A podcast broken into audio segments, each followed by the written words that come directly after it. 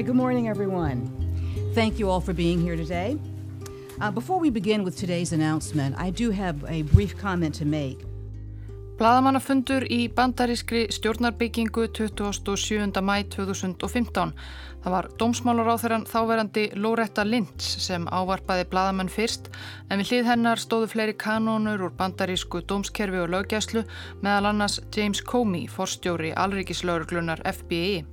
You touch our shores with your corrupt enterprise, you will be held accountable for that corruption. Það veitti ekki af því þau höfðu komið saman þarna þennan morgunin til að kynna ótrúlega vendingu að bandarísk yfirvöld hefðu haft hendur í hári þess sem þau voru farin að líta á sem skipulöð glæpasamtök en sem fjöldi fólksum heimallan, 20 miljónir kvarvetna, reyttu á sig til að hafa umsjón með vinsælustu íþrátt heims. Bandaríska dómsmálaráðunetið var að fella alþjóða knatsbyrnusambandið FIFA.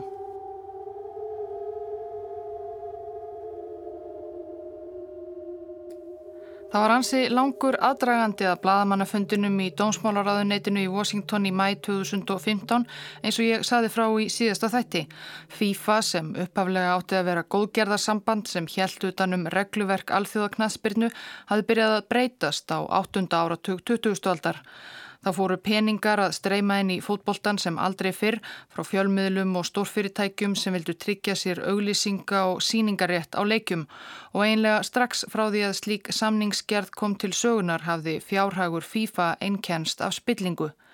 Fyrirtækin borguðu undir borðið til að tryggja sér bestu samningana og smá saman ógs blekkingarvefurinn svo að á endanum var það eins og lítið væri hægt að afhafast í þessu 200 og eitthvað ríkja sambandi án þess að einhverjum væri mútað fyrir eitthvað.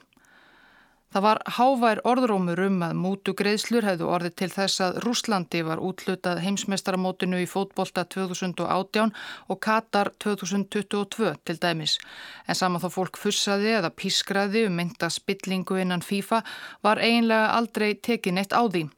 Til þess var sambandið of mikilvægt kannski, allir elska jú fótbolta, of stort og auðugt og svo var það með höfðstöðvar í Sviss sem hafði sína kosti.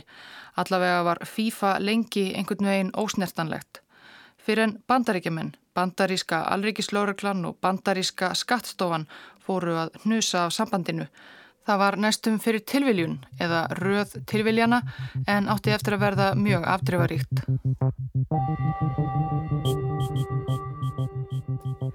Bandaríkin eru ekki beint góðsennland fótbóltans en það er þó spilaður fótbólti í bandaríkunum og Chuck Blazer var áhrif á og fyrirferðamesti maðurinn í bandarískum fótbólta bókstaflega því hann var bæði hávaksinn og agfeitur sem aðalritari knattbyrnusambands Norður og Mið-Ameríku og Karibahafs Kongakaf.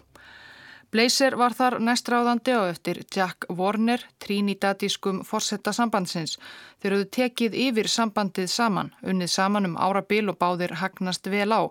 Þeir voru enda báðir gjör spiltir og gengu afar frjálslega í fjárkistur kongakaf. En þegar á leið fór samstarf þeirra að súrna. Það voru smáatriði sem stækkuðu þegar á leið. Warner vaknaði alltaf við dagreiningu og fór strax að vinna. Blazer varði gætan heilu nóttunum á strippbúlum eða við annað skemtanahald og var mættur til vinnu í fyrsta lægi um hádegi og var þá helst samt bara heima á náttbuksunum við tölvuna. Skipti ekki miklu kannski því hann bjóði mitt í sömu byggingu og skrifstofur Kongakaf voru í, í Trump Tower á Manhattan.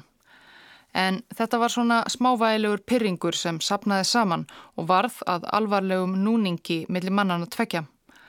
1. apríl 2011 fekk Chuck Blazer undarlegan tölvupóst frá þessum samstagsmanni sínum sem reytti hann strax til reyði. Warner var að byggja Blazer um aðstóð við að skipulegja fund fulltrúa knastbyrnusambands Karibahafs með auðkýfingi frá Persaflóaríkinu Katar sem sati í framkvæmda nefnd FIFA aðstu stjórn sambandsins sem þeir Warner og Blazer voru líka í. Þetta var maður að nafni Mohamed bin Hammam.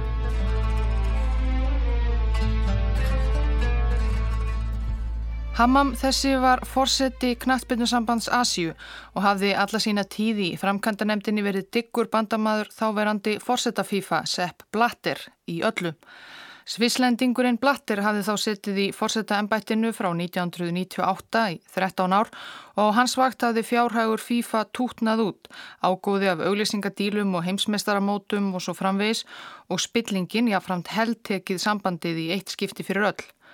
En nú voru tveir mánuður í næsta FIFA-þing og Hammam ætlaði að bjóða sig fram gegn Blatter til forsetta. Hann vildi greinilega reyna að tryggja sér stuðning Karibahafsríkjana sem, þegar þau gengu í takt, mynduðu sterkustu kostningablokkina í alþjóða knaspindusambandinu.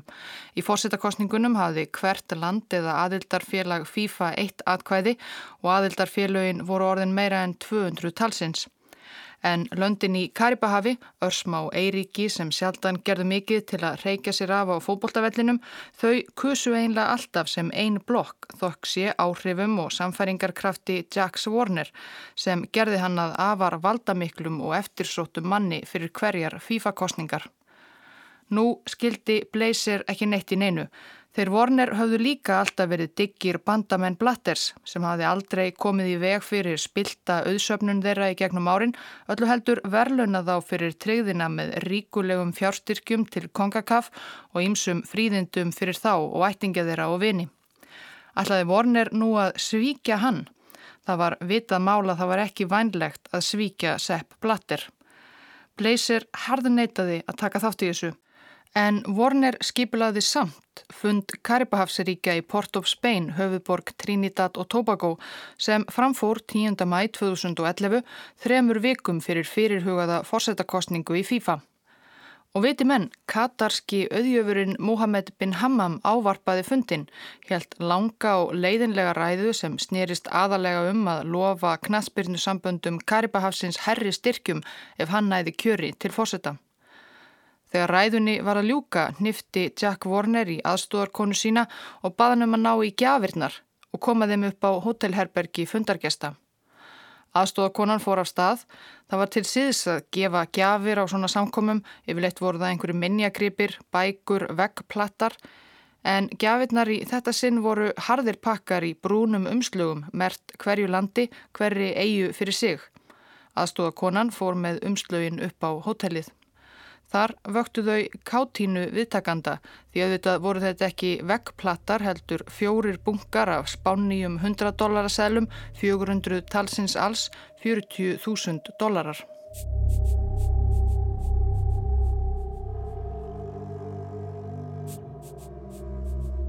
Frettir af umslugunum í Port of Spain bárust Chuck Blazer til erna daginn eftir þar sem hann tók því rólega í strandvilu sinni á Miami, strandvilu sem hann hafði látið Kongakaf borga fyrir eins og aðrar fastegnir í hans nafni.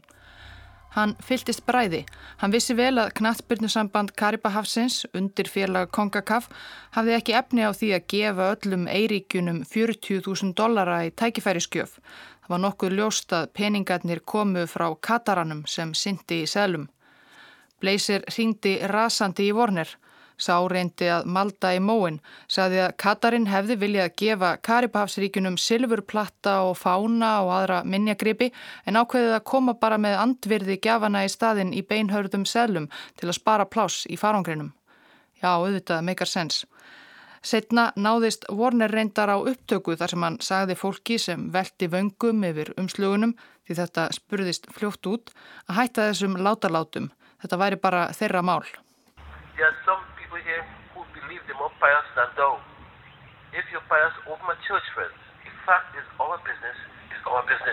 En Blazer var ekki svona reyður beint vegna þess að Mohamed bin Hammam væri að reyna að kaupa atkvæði Karibhafstjóðana í fórsetakjöri FIFA því auðvitað var hann að því. Blazer hafði séða miklu verra á öllum árum sínum í boltanum, miklu herri mútugreðslur, hann hafði sjálfur þegið miklu herri mútugreðslur en það sem fór fyrir brjóstið á honum var hvað þetta var hraðvirkningslega gert og augljóst. Fulltrúar karabísku fótboltasambandana fóru nú um Port of Spain gortandi við hvern sem heyra vildi og veifandi seglunum. Svona nokkuð átti maður að gera bak við luktar dyr að næturlægi í bakherbergjum helst í gegnum flókna fléttu af aflandsfélögum á Keimanægum eða álíka. Og með því að haga sér svona glannarlega voru Warner, Hammam og félagar að stefna honum og öllum hinnum spiltu fótbolta frömuðunum í hættu. Livibröð Blazers var í hættum. Svo Chuck Blazer gerði dálitið óvinnulegt fyrir mann með hans sögum. Hann klagaði beint til FIFA.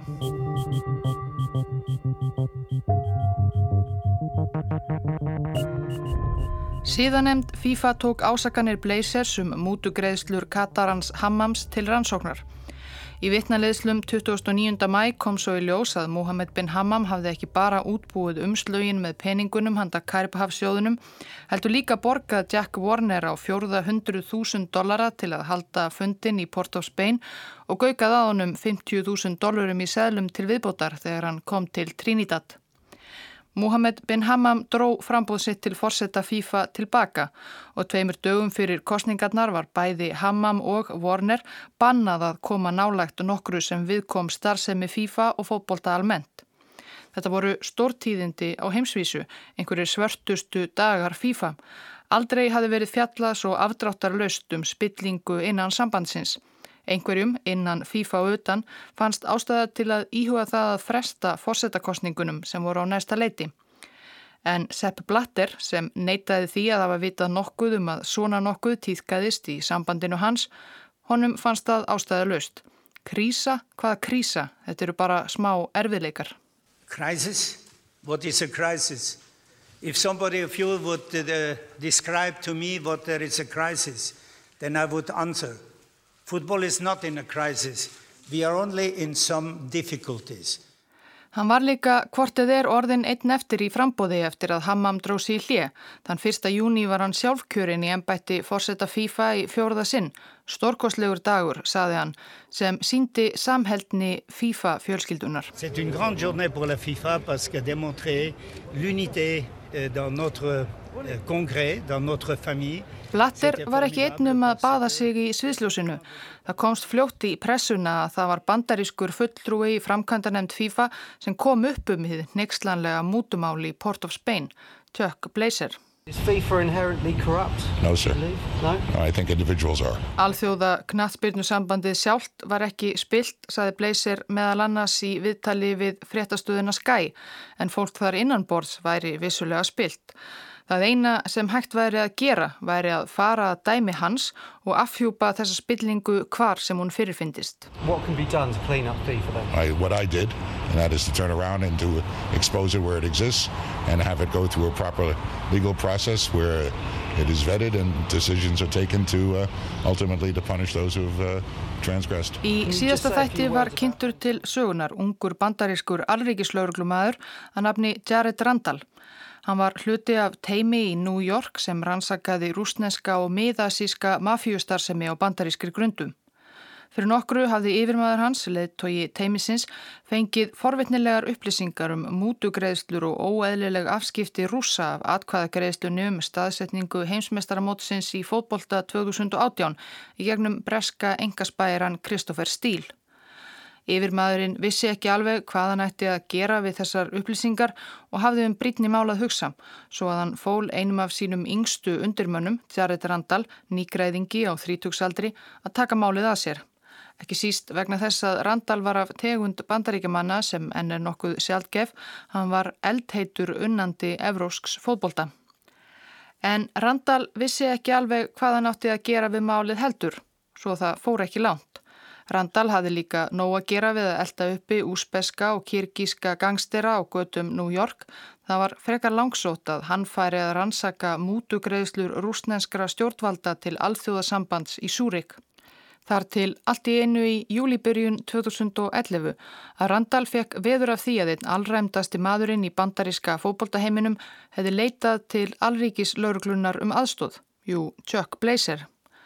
Eftir að hafa afhjúpað spillingu vinar síns fyrfunandi Jacks Warners virtist Blazer nú vera orðin svo heilagur maður að þegar hann heyrði orðrómum að einhverjir óprútnir aðilar væru að plotta um að hagræða með mútugreðslum úrslitum á næsta gullmóti Kongakaf. Gullmótið var vinsæl keppni millir landa Kongakaf haldinn á tveggja ára fresti og gullkálfur sambandsins. Þá leitaði Blazer beint til FBI. Randall stökk á tækifærið að hitta hann, Blazer var orðin frægur maður eftir atbyrðina í Port of Spain, hetja FIFA. Bandarískir fjölmiðlar höfðu hoppað hæð sína í loft upp af aðdáun á þessari skondnu típu. Chuck Blazer var gríðar stórað umfangi með rokkið hár og skegg eins og Karl Marx og kerði gerðnanum á fjórhjóla rafskutlu með pávagauga á aukslinni og sem var líka þessi mikli áhrifamadur í henni furðulegu íþrótt fótbolta. Þeir Randall og Blazer snættu hádegisverð á veitingastað í New York. Randall var heitlaður, Blazer var hrífandi og skemmtilegur sögumadur og honum var mikið niðri fyrir þegar hann rætti bölið sem voru tilraunir skipulaðra glæpahópa til að hafa áhrif á úrslit fótboltaleikja. Randall var sammála, vissulega væri þetta alvarlegt mál sem lauruglan þyrti að skoða betur. Hann myndi gera sitt besta en einhvern veginn hafði hann á tilfinningunni að þessi blazer væri ekki allur þar sem hann væri séður.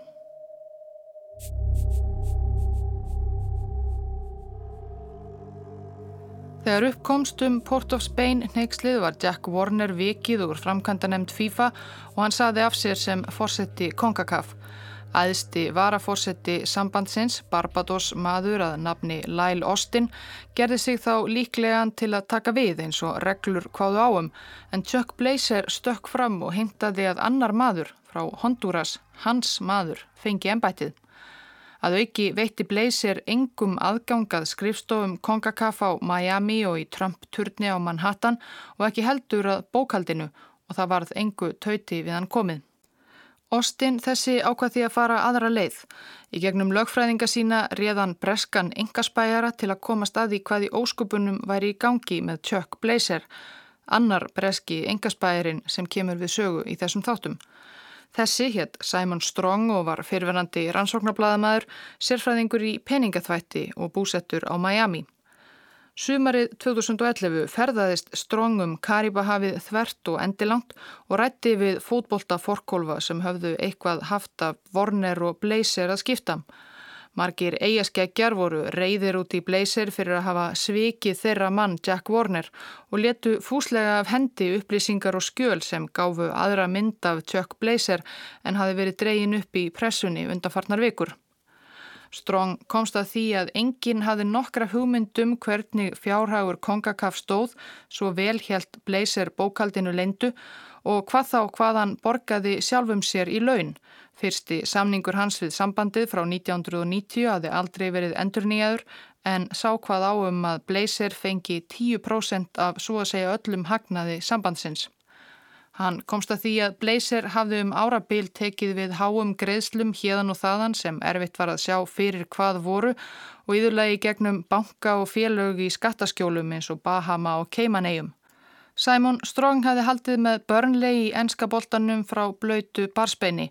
Honum blöskraði spillingar þefurinn af því sem hann kom staðum Chuck Blazer og því ákvaðan að senda upplýsingarnar áfram á gamlan kollega sem hafði um árabil haft sérstakann áhuga á spillingu í fókbóltaheiminum, Andrew Jennings. Warner, morning, evening, Við kynntumst Jennings líka í síðasta þætti. Hann var frílands rannsóknarbladamæður með ofur áhuga á einu málefni, FIFA. Hann hafi skrifað bókum FIFA, gert heimildathætti og hafði um árabil haldið út í bloggi um spillingu innan FIFA.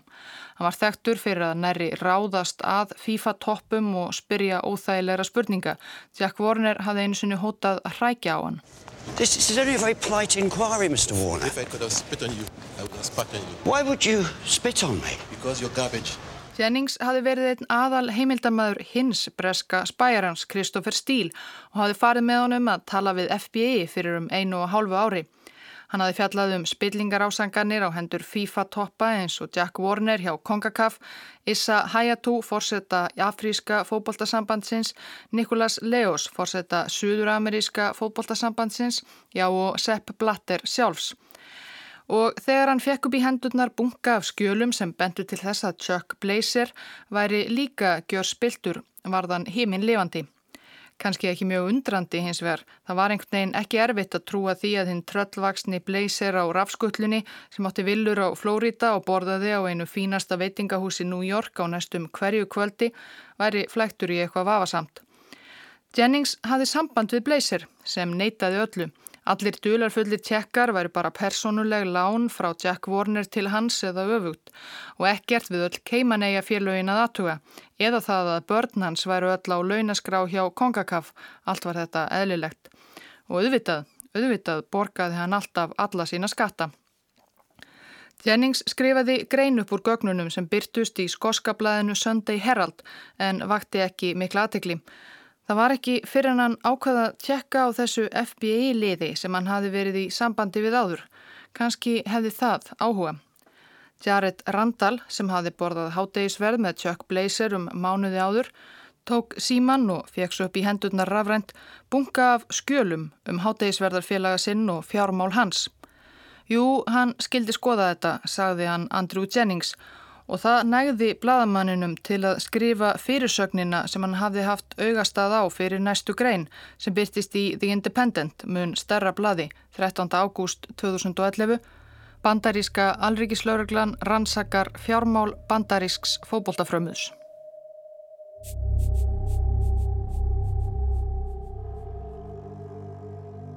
Glöggir hlustendur muna kannski að það var á þessari fyrirsögn sem saga okkar hófst í síðasta þætti Steve Berryman, skattrannsóknarmadur hjá bandarísku skattstofunni sem jáfnframt var einn af þessum sjálfgefu bandaríkjumannum með brennandi áhuga fókbólta, las þessa fyrirsögna og frétta við Reuters þremur dögum síðar og varð heldtekinn. Steve Berryman, 47 ára árið 2011, hafði ekki bara áhuga á fókbólta heldur líka starfi sínum. Bandaríska skattstofan er stort batteri og starfsmenn hennar hafa meðal annars umbúð til að rannsaka skattatengta glæpi og sérsvið Berrymans sem var meðal rómuðustu skattaransóknar manna Kaliforníu voru stór alþjóðleg fjár og skattsvíkamál. Frettin kveikt í honum og því meira sem hann las um Chuck Blazer og um FIFA og allt því tengt, því meira leitað út fyrir að FIFA væri flægt í einmitt stort alþjóðlegt fjársvíkamál. Og þegar hann fletti Chuck Blazer upp í kerfinu hjá sér og komst að því að hann hafði ekki borgað skatta í 17 ár, þá hafði hann samband við alríkislaurugluna. Hver var með fóboltamálið, spurði hann og fekk aðendingu samband við Jared Randall. Já, Var hann með fóboltamálið? Fóboltamálið hafði einlega ekki hreifst í meira en ár fyrir utan háttegisverðin með Chuck Blazer sem var allavega eftirminnilegur. Þessi frétt frá Reuters hafði aðeins verið oftúlkun bladamannsins. En Steve Berryman heimtaði samt að fá að koma til Randalls í New York og ræða málinn betur.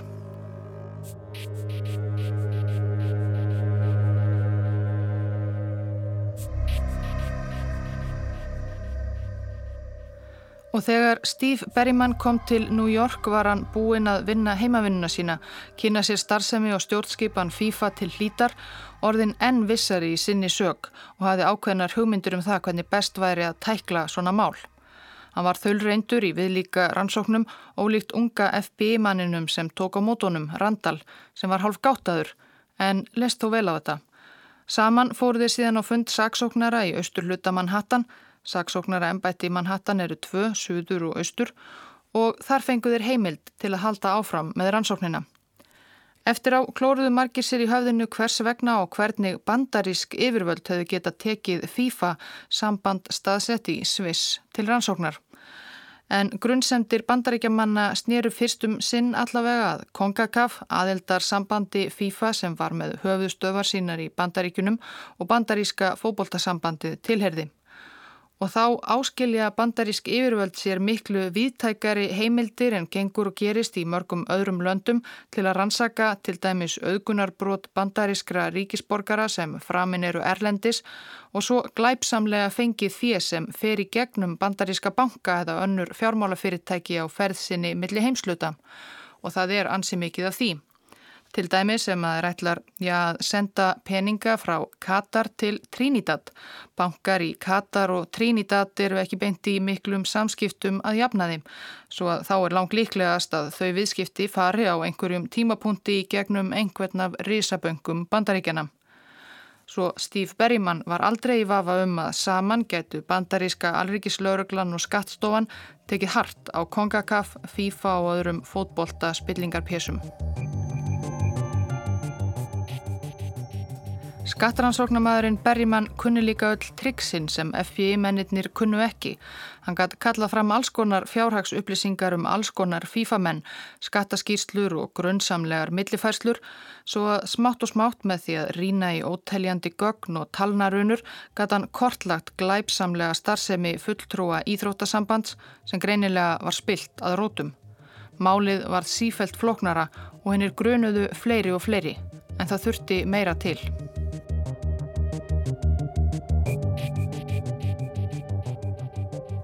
30. november 2011 gengu Jared Randall og Steve Berryman inn í glitrandi marmarasleið Andiri Trump Tower á Fifth Avenue á Manhattan. Það var enn nokkuð í að eigandi byggingarinnar byði sig fram til forsetta bandaríkjana en í turninum voru bæði luxus íbúðir og skrifstofur meðal annars skrifstofa Kongakaf og heimili Chucks Blazers og svo auka íbúðin sem hýsti kettinans.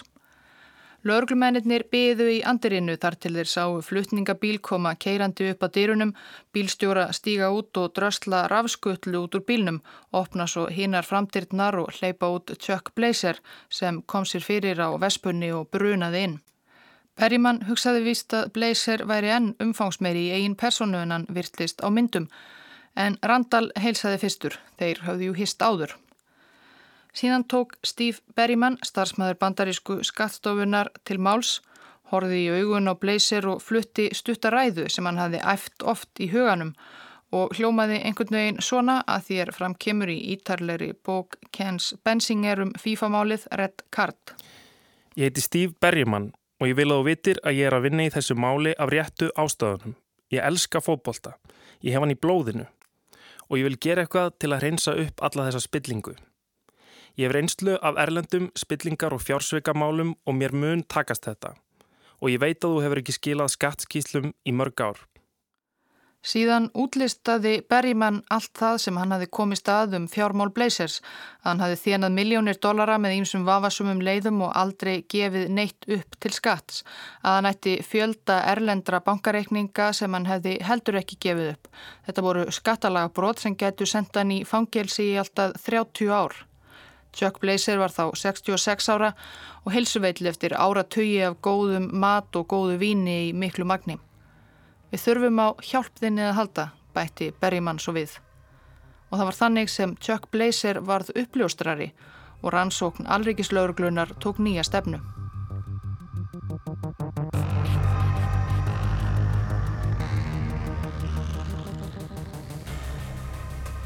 Chuck Blazer hafði þá eftir deilur við arftaka Jax Warner í ennbætti fórsetta Kongakaf sagt af sér stöðu aðalritara en hann var enni framkvæmda nefnd FIFA og því gífurlega valda mikill, sífælt á ferð og flugi í einhverjum fóbolta erindagjörðum og auðvitað þá þekkti hann alla sem einhverju máli skiptu í þessum bransa og alla þá sem bandaríska alrikislauruglan hafði augastað á. Næstu daga og vikur gerði Chuck Blazer sér reglulega ferð á skrifstofu saksóknara í austanverðu Manhattan á rafskullunni sinni og listi frá skjóðunni. Saði frá upphafi ferilsins sem hófst þegar sonur hans var í grunnskóla og fór að æfa fóbolta og Blazer þá sjálfstætt starfandi markaðsáðgjafi hafði mestan frítíma aðra foreldra í hverfinu til að sinna skipulagsstörfum fyrir deildina. Saði frá því hvernig hann steg upp takmarkaðan metorðastega bandaríska fótboltans en komst svo loks í feitt þegar hann hjálpaði Jack Warner að taka yfir Kongakaf og settist í framkvæmda nefnd FIFA.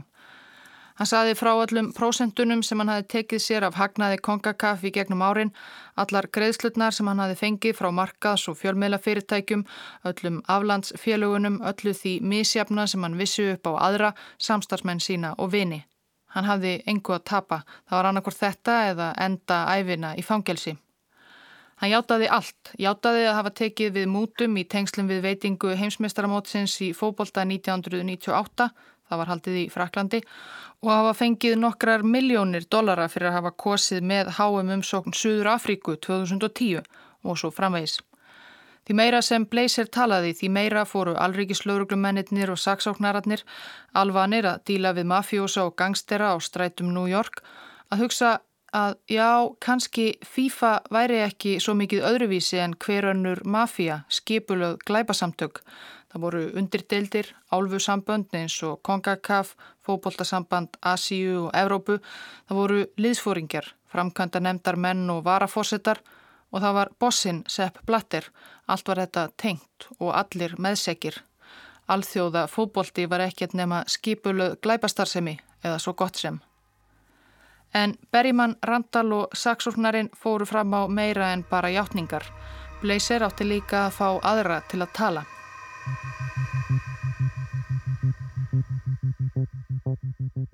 Nú tók við nýtt tímabil í lífi Chucks Blazer. Hann heitti vini sína og samstarfmenn eins og áður í lönns og svona, aðra valdamikla menn úr boltapolitíkinni frá stórfyrirtækjum og sjónvastöðum, en nú með örlítin hljóðnema límdan einhverstaðar á líkamassinn og markmiðans var alltaf það sama að fá þá til að tala og hjáta. Það var erfiðis vinna fyrir Blazer, hann var komin með síkursíki og fekk síðar ristilkrabbamein og það var erfitt að koma orðum að því sem hann átti að gera. Það var ekki vaninn að FIFA-toppar spjölluðu löfléttum allar miljónirnar sem þeir höfðu tekið við í mútum. En smátt og smátt fekk hann þó marga félaga sína til að missa út úr sér hitt og þetta um leinilegar greiðslur, vafasum lán og aflandsfélög. Og þegar áleið tókst FBI líka snúa fleiri grunuðum spillingarpjessum og fá þá til að játa og leika svo sama leik með földu hljóðnumannam. Það voru ekki bara FIFA-menn sem rannsóknin beintist að, líka menn sem hefðu setið hínum megin við borðið, eins og Brasilíu maðurinn Jose Havila sem hafði um árabil verið einn valdamesti maðurinn í söður ameríska boltanum og víðar gegnum auglýsinga og markaðsfyrirtæki sitt Traffic Sports. Traffic kostaði ótal lið, leiki og mót og gerði Havila vell auðugum manni sem flögumilli luxusvilla á engaþútu og allt veldi hans byggði á mútum til FIFA-manna eins og Chuck Blazer og Jack Warner, mútugreðslum sem hafði upphafi kannski verið nokkur þúsund dólarar en hafðu hækkað með árunum upp í fleiri miljónir.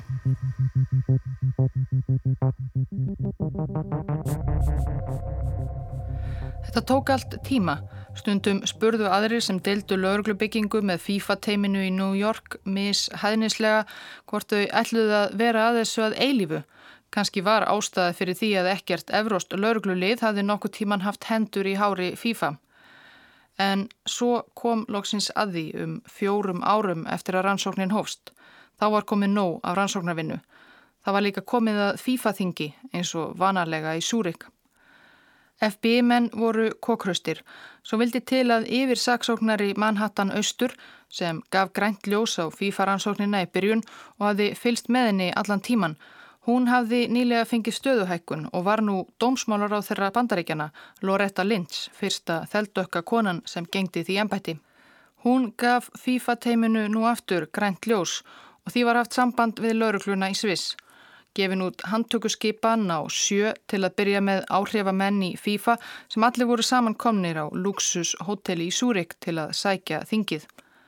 Berrimann, Randall og hinnir í teiminu Fylgdu svo með í betni útsendingu frá New York þegar svisneska lauruglan réðst inn á hotellið Árla Morguns áður en okkur heilvita maður var vaknaður og leti svo hérna grunuðu út. Several top officials Six top football officials have been arrested over corruption charges. Sjö forráðamenn alþjóða knaspirnu sambandsins FIFA voru handteknir Handtökurnar fóru beint í heimsveitirnar. Að nokkur hefði loksins látið til skara skriða gegn FIFA, þar sem hafi verið óhugsandi. Og það fór ótrúleg atbyrðar á sig gang. Það voru fleiri handtökur sem fyldu, Berrimann og félagar voru konu með ansi langan lista eftir fjögura ára lörgluransókn en Sepp Blatter fórseti var reyndar ekki þar á meðal. Blatter ætlaði alls ekki að láta smá fárviðri á sig fá, ekki frekar enn 2011 og gaf ótröður kost á sér til endurkjörs á þinginu tveimur dögum eftir að sjö úr framkantanemt hans voru handteknir og hann var auðvitað endurkjörin. Let's go FIFA! Let's go FIFA! Thank you! Thank you so much! You. En gleðin var skamlýf. Blatter sagði af sér þremur dögum síðar en lísti því kokkraustur yfir að hann hygði á endurkomu. Af henni hefur enn ekki orðið. Yfirvaldi í Sviss tóku við keflinu af bandaríkunum og komist að því að Blatter var ekkert skári en nokkur annar. Hafði nokkur haldið það. Hann hafði til að mynda greitt þáverandi fórsetta Evróska knastbyrnusambandsins miljónir evra með ólögumætum hætti. Blatter var í kjölfæðir bannaður af nýjum ráðamönnum í FIFA frá því að hafa nokkuð með fótbolta að gera næstu átta árin. Our sport has a bright future ahead. Every day, around the world, new federations spring up. will be the Fédération Internationale de Football Association. FIFA. Í júni byrjun 2015, örfáum dögum eftir fyrstu handtökurnar í Sviss og bladamanna fund Lorettu Linds dómsmálar á þeirra í Washington, var frumsýnd kvikmyndi í bandaríkunum United Passions með Tim Roth og Sam Neill og Gerard Depardieu. Myndin, sem er leikinn, lýsir sögu FIFA og heimsmeistaramótsins í fóbolta á spennandi og hetulegan hátt. En tímasetningin var ekki sérlega góð. Það fór einlega engin í bíó að sjá United Passions og því fór myndin í flokk þeirra mynda sem hafa tapað einna mestu í kvikmyndasögunni. Later, he's apparently good at finding money. FIFA and Adidas will sign the biggest deal the world's ever seen. An institution like ours cannot run on good intentions alone. Handtökurnar í Súrik afsögn Sepp Blatters, þetta var hápunturinn á langri atbyrðarás. En ekki lokapunturinn. Þremur árum eftir handtökurnar stóðu réttarhöld yfir ímsum fókbóltafrömuðum enn yfir fyrir domstólum í New York og bandarísk yfirvöld verða lengi enn að kanna ánga tengda FIFA. Lauruglu yfirvöld víða um heim tóku líka við þræðinum. Talið er að rannsókn svislendinga á starfsemi FIFA þar komi til með að taka mörg ár enn. Ástralar konnuðu umsókn sína fyrir heimsmeistaramótið 2022 og reyndist þar ímislegt misjamt verið að finna og svo mætti lengi telja.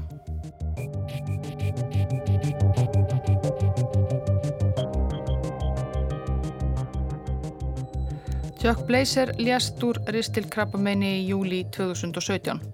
Heimsmeistaramótið í Rúslandi 2018 var haldið eins og ekkert hefði í skorist eins og engar ásakanir, já eða sannanir hefðu komið um að rússar hefðu beitt brögðum og mútum til að tryggja sér mótið.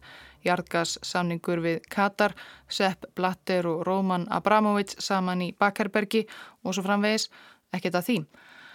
Ekkert útlýttir heldur fyrir að áformum um HM í Katar 2022 verði breytt þó Mohamed bin Hammam sem leti umsóknar nefnd Katara hafi verið fyrsti FIFA-toppurinn sem fjall fyrir spillingu þó að fulltrúar all nokkura Karibahafsríkja í FIFA hafi játað að hafa fengið ríkulega greitt fyrir að kjósa með Katar á sínum tíma.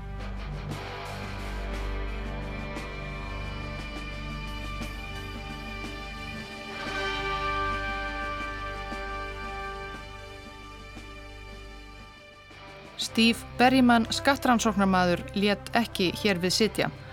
Hann mun víst beina sjónum sínum nú að öðrum ánga FIFA kolkrabans knattbyrnu sambandi Asíu sem Mohamed bin Hammam fór eitt sinn fyrir og að stór viðburðinum sem Asíu sambandið tekur þátt í að halda 2022 heimsmeistaramótinu í Katar. Sú rannsókn mun á nefa taka tíma og reynast erfiðari Asískir fjárglæfra menn þurfa jú ekki að nýta sér bandaríska banka og fjármálastofnanir í eins miklu mæli. Það er nóg af stórböngum í Hong Kong og Singapúr að skipta við. En fregnir herma þó að Steve Berryman sé engu að síður komin á sporið.